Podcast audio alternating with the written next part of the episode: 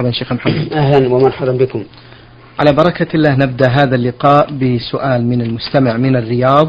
يقول في هذا السؤال آه، له فقرتان. الفقرة الأولى يقول هل طلاق السكران يقع؟ الحمد لله رب العالمين وأصلي وأسلم على نبينا محمد وعلى آله وأصحابه ومن تبعهم بإحسان إلى يوم الدين. اختلف العلماء رحمهم الله في طلاق السكران هل يقع؟ والمراد بالسكران الذي لا يدري ما يقول من أجل سكره. فقال بعض أهل العلم إنه لا يقع طلاق السكران لأنه لا يدري ما يقول فهو يتكلم بلا قصد وبلا, وبلا روية. وإذا نفذنا طلاقه لزم من ذلك تحريم زوجته عليه وحلها لغيره. وقد قال الإمام أحمد رحمه الله كنت أقول بوقوع طلاق السكران حتى تبينته فتبين أنني إذا قلت بوقوع طلاق السكران أتيت خصلتين أحللتها لغيره وحرمتها عليه. وإذا يعني وإذا لم يقل بوقوعه أتى خصلة واحدة وهي تحليلها لزوجها. وقال بعض أهل العلم يقع طلاق السكران لأن سكره هذا سكر محرم غير معذور به. فيقع عليه الطلاق زيادة في عقوبته. والقول الأول أظهر من حيث النظر. لكن لو كثر هذا في الناس أي كثر السكر فيهم بالطلاق فرأى الحاكم الشرعي تنفيذ هذا الطلاق وإيقاعه فتلك سياسة عمرية ساس عمر بها الناس في الطلاق الثلاث. حين كان الطلاق الثلاث في عهد النبي صلى الله عليه وعلى آله وسلم وعهد أبي بكر رضي الله عنه وعهد وسنتين من خلافة عمر رضي الله عنه طلاق الثلاث واحدة فلما أكثر الناس منه وهو حرام قال عمر رضي الله عنه أرى الناس قد تعجلوا في أمر كانت لهم فيه أنات فلو أمضيناه عليهم فأمضاه عليهم ومنع من طلق ثلاثا من الرجوع إلى زوجته. وإنني بهذه المناسبة أود أن أوجه نصيحة إلى إخواني المسلمين الذين ابتلوا بشرب الخمر أن يتقوا الله عز وجل وأن يعلموا أن الخمر أم الخبائث ومفتاح كل شر وأن من شربها في الدنيا لم يشربها في الآخرة.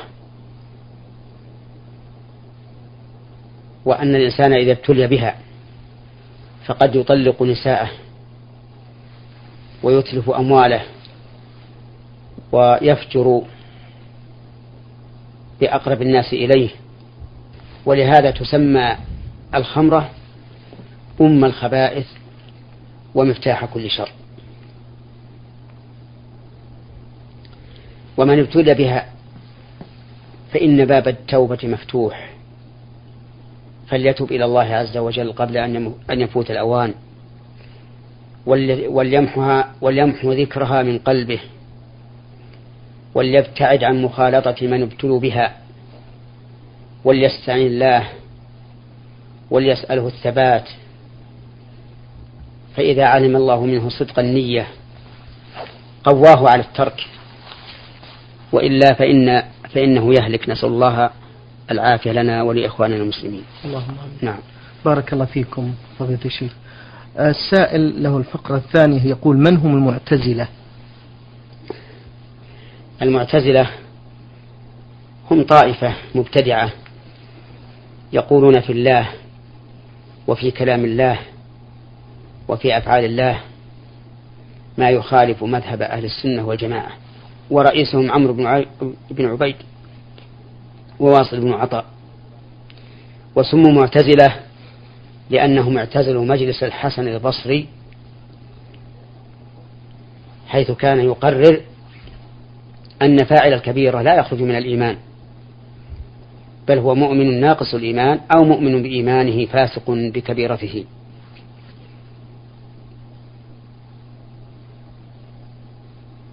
فاعتزلوا هذا المجلس مجلس الحسن البصري وقالوا بقولتهم المشهورة إن فاعل الكبيرة في منزلة بين منزلتين فليس مؤمنا وليس كافرا. لكنه مع ذلك مخلد في النار. فهم يلتقون بالخوارج في القول بأن فاعل الكبيرة مخلد في النار. لكن الخوارج يصرحون بأنه كافر خارج عن الإسلام وهؤلاء يصرحون بأنه خارج عن الإسلام لكن لا يجرؤون أن يقولوا إنه كافر بل يقولوا بل يقولون إنه في منزلة بين منزلتين. فأثبتوا هذه المنزلة المخالفة لكلام الله عز وجل حيث قال تبارك وتعالى هو الذي خلقكم فمنكم كافر ومنكم مؤمن. وليس هناك قسم ثالث ليس بكافر ولا مؤمن إلا على قول هؤلاء المعتزلة الذين ابتدعوا في دين الله وشريعته ما ليس منها. نعم. بارك الله فيكم. السائل من تونس يقول كيف يكون الحب في الله والبغض في الله؟ أرجو منكم الإفادة. مأجوري. يكون الحب في الله أن ترى شخصا صاحب دين وعلم صاحب عبادة صاحب خلق صاحب حسن معاملة. فتحب فتحبه لما في قلبه لما قام به من من طاعة الله والإيمان به. فهذه المحبة في الله. البغض في الله أن ترى شخصا عاصيا متهاونا بدينه. لا يبالي. فتكرهه وتبغضه لما هو عليه من التهاون بدين الله عز وجل. والحب في الله والبغض في الله من أوثق عرى الإيمان. ولهذا يجب علينا أن يكون حبنا وبغضنا لله عز وجل. لا نحب إلا من أحبه الله ولا نبغض إلا من أبغضه الله. نحب من أحبه الله وإن كنا لا نميل إليه ميلا طبيعيا. نكره من يكرهه الله وإن كنا نميل إليه ميلا طبيعيا حتى يحصل لنا التمسك بأوثق عرى الإيمان. نعم. بارك الله فيكم. هذا السائل أيضا من تونس له السؤال الثاني يقول عندنا إمام مسجد لا يستدل إلا بالأحاديث التي رواها الشيخان فقط فهل هذا صحيح فضيلة الشيخ؟ الصحيح أن كل ما صح عن النبي صلى الله عليه وعلى آله وسلم فهو حجة سواء كان من الصحيحين أو من غيرهما. والصحيحان لم يستوعبا جميع الأحاديث الصحيحة عن رسول الله صلى الله عليه وعلى آله وسلم. بل هناك أحاديث صحيحة ليست في الصحيحين ولا في أحدهما. وقد قبلها الناس وصححوها وعملوا بها واعتقدوا مقتضاها. فيقال لهذا الرجل لماذا كنت تحتج بما رواه الشيخان البخاري ومسلم دون غيرهما؟ إذا قال لأن لأن كتابيهما أصح الكتب قلنا إذا المدار على الصحة. فأي كتاب كان فيه حديث صحيح فإنه يجب عليك أن تقبله. نعم. بارك الله فيكم. هذا السائل يقول أسأل عن جلسة التورك ما حكمها؟ التورك هو أن ينصب المصلي رجله اليمنى فتكون بطون أصابعها إلى الأرض ويكون عقبها نحو السماء ويخرج الرجل اليسرى من الجانب الأيسر ويقعد على الأرض على مقعدته. هذه صفة. الصفة الثانية أن يفرش الرجلين جميعا ويخرجهما من يساره. والصفة الثالثة أن يفرش الرجل اليمنى ويدخل اليسرى بين الفخذ والساق. كل هذه الصفات وردت في التورك. فإذا فعل الإنسان هذا مرة وهذا مرة كان حسنا. والتورك إنما يكون في التشهد الأخير في كل صلاة فيها تشهدان. وعلى هذا فلا يشرع في صلاة الفجر ولا في صلاة التطوع لأنها مثنى مثنى. نعم. بارك الله فيكم. الفقرة الثانية في رسالة المستمع يقول ما هو بيع العينة؟ بيع العينة أن يبيع الإنسان شيئا بثمن مؤجل ثم يشتريه بأقل منه نقدا. مثال ذلك أن يبيع سيارة بخمسين ألفا لمدة سنة ثم يشتريها ممن باعها عليه بأربعين ألفا نقدا آه، هذه هي مسألة الرينة وهي حرام لأنها حيلة على الربا إذ أن هذا الذي باع السيارة بخمسين ألفا. ثم اشتراها بأربعين نقدا كأنه أعطى هذا الرجل أربعين ألفا نقدا بخمسين ألفا إلى سنة. وهذه السيارة حرف جاء لمعنى. ولهذا يذكر عن ابن عباس رضي الله عنهما أنه قال فيها إنها دراهم بدراهم دخلت بينهما حريرة يعني ثوبا. نعم. وقد ورد ذم التبايع بالعينة في قول النبي صلى الله عليه وعلى آله وسلم إذا تبعتم بالعينة وأخذتم بأذناب البقر ورضيتم بالحرث وتركتم الجهاد سلط الله عليكم ذلا لا ينزعه من قلوبكم حتى ترجعوا إلى دينكم. وهذه المسألة أعني مسألة العينة يمكن أن نقول لا أن أن أن نقول بضابط فيها وهي كل عقد يتوصل به إلى الربا فإنه من العينة في الواقع. نعم. بارك الله فيكم. هذه السائلة من الأردن رمزت لاسمها بنون تقول فضيلة الشيخ نحن نعلم بأن الدار التي تقرأ فيها سورة البقرة لا يدخلها شيطان. فهل تقرأ مرة واحدة أم كل ثلاثة أيام؟ وهل تقرأ هذه السورة في الغرفة أم يكتفى أن تقرأ في مكان واحد من البيت؟ الظاهر أنها أن البيت إذا قرأت فيه البقرة أول مرة تفي بها. نعم. وأنه لا يشترط أن تقرأ في كل حجرة. بل تقرأ في الصالة صالة البيت أو في السطح أو في مكان عام من البيت ويكتفى بذلك. طيب. نعم. من سوهاج مصر السائلة جيم ميم ها تقول أعيش مع عائلة تتكون من ثلاثين شخصا ما بين رجال ونساء وأطفال. جميعهم لا يصلون إلا الجمعة. لا حول ولا فبماذا تنصحونهم مأجورين؟ أنصحهم بأن يتقوا الله عز وجل.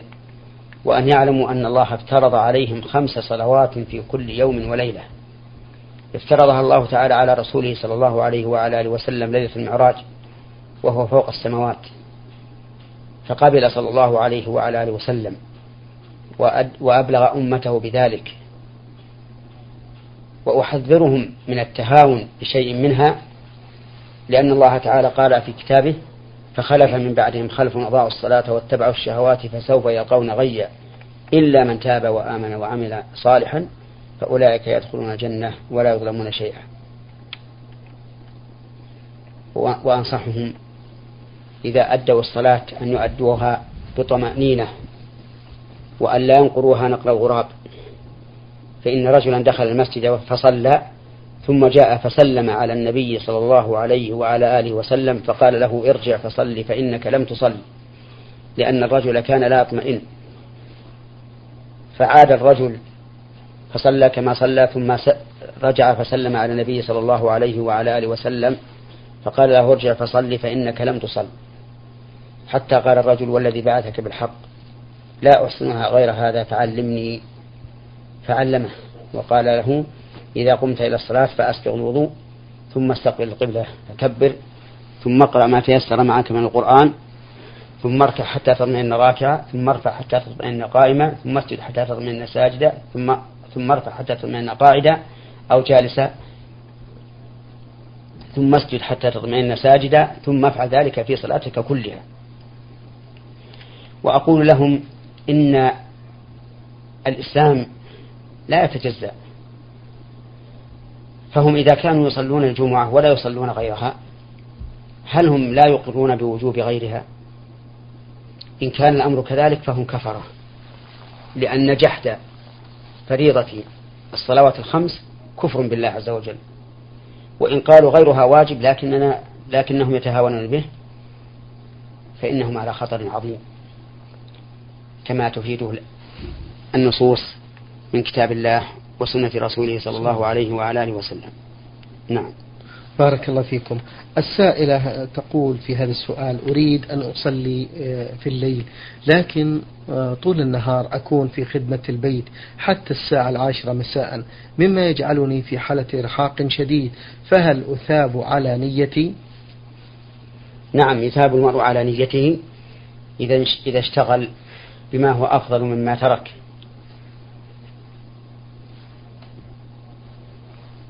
وهذه المرأة قامت بواجب من واجبات حياتها وهي خدمة زوجها في البيت وهو أفضل من أن تتهجد. فإذا علم الله من نيتها أنه لولا قيامها بهذا الواجب التي تخشى أن يكون في في إضاعته إثم فإنه فإنه يرجى أن يكتب الله له لها الأجر كاملا. أن يكتب الله لها الأجر كاملا. نعم. تقول في آخر سؤال هل يجب الاستنجاء والوضوء لكل صلاة؟ لا يجب الاستنجاء لكل صلاة ولا الوضوء. فإذا دخل وقت الصلاة وهي على طهارة فلتصلي وإذا بقيت إلى دخول وقت الثانية فلتصلي لأن الوضوء لا يجب إلا من حدث.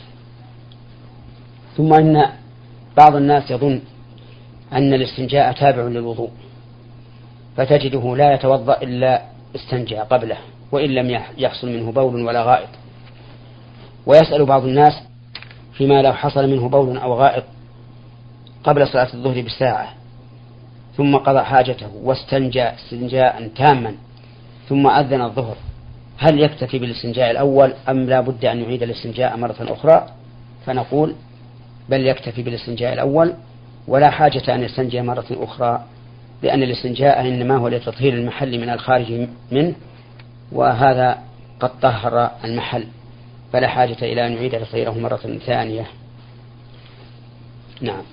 هل يجوز هذه السائلة من مصر جمهورية مصر العربية تقول هل يجوز للفتاة أن تنتزع الشعر الذي في يدها لأنه طويل ومشوه لجمال المرأة؟ نعم إذا كان الشعر الذي على الساق أو على الذراع كثيرا مشوها فلا حرج أن يخفف حتى يكون عاديا. أما إذا كان عاديا ليس فيه تشويه فإن الأفضل إبقاؤه لأن الله تعالى لم يخلقه إلا لحكمة. ويخشى أن, يكون أن تكون إزالته من تغيير خلق الله. وذلك أن الشعر ينقسم حكمه إلى ثلاثة أقسام. نعم. قسم يشرع إزالته كحلق العانة والأبط وتخفيف الشارب وقسم تحرم إزالته كاللحية فإن حلقها حرام والقسم الثالث مسكوت عنه لكنه لكن الأفضل بقاؤه إلا أن يكون في ذلك تشويه فلا حرج من من إزالته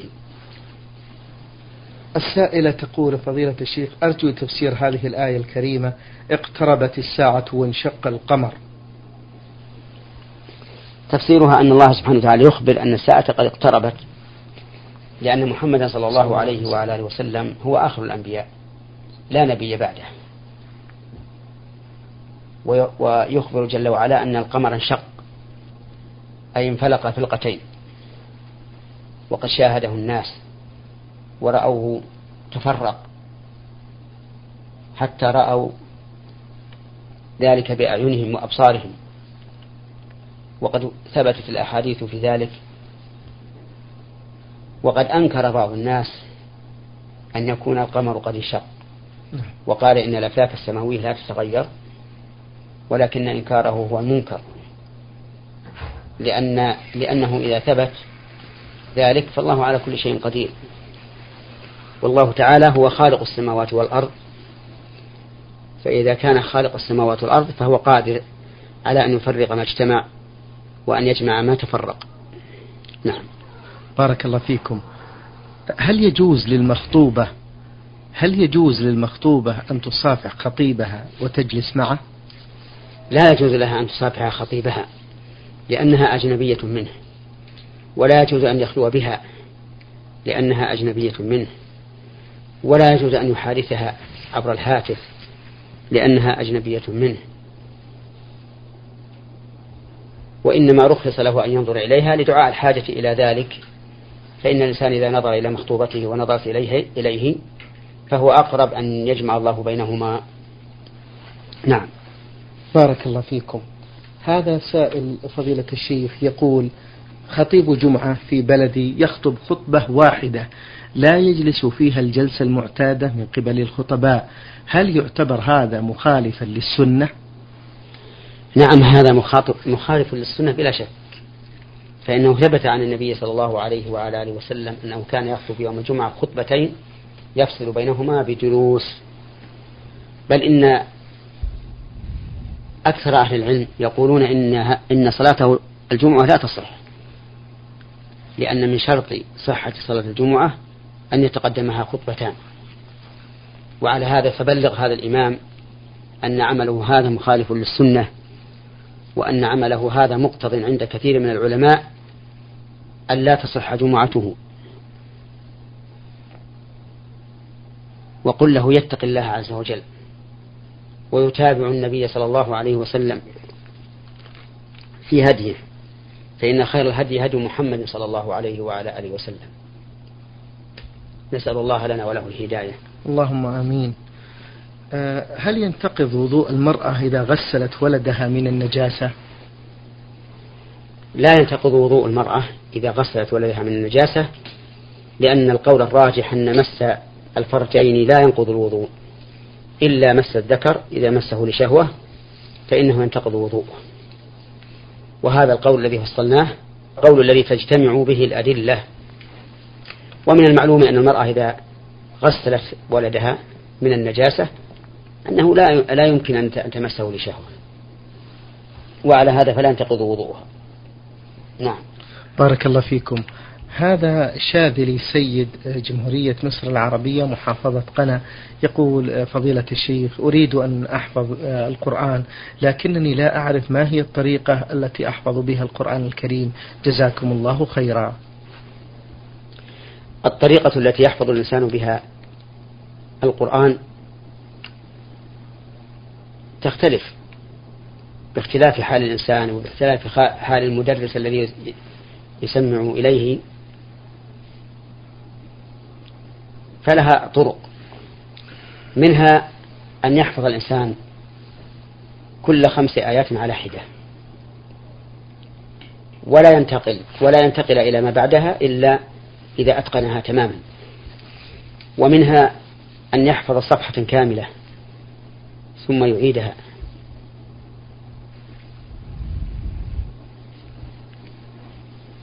والمهم أن يسلك الإنسان في تحفظ القرآن ما يناسبه لكن يتعاهد القرآن. لأن النبي صلى الله عليه وعلى آله وسلم قال تعاهدوا القرآن فوالذي بنفسه فوالذي نفسي بيده له أشد تفلتا من من الإبل في عقولها. وتعاهد القرآن قد يكون بقراءة الإنسان لنفسه وحده وقد يكون بمشاركة أحد زملائه يتحفظ عليه يمسك الزميل المصحف بيده وذاك يقرأ ثم يأتي العكس. والمهم أن هذه مسائل ليس فيها نص يعني يؤخذ به وإنما وكلت إلى حال الإنسان. شكر الله لكم من فضيلة الشيخ وبارك الله فيكم وفي علمكم ونفع بكم المسلمين.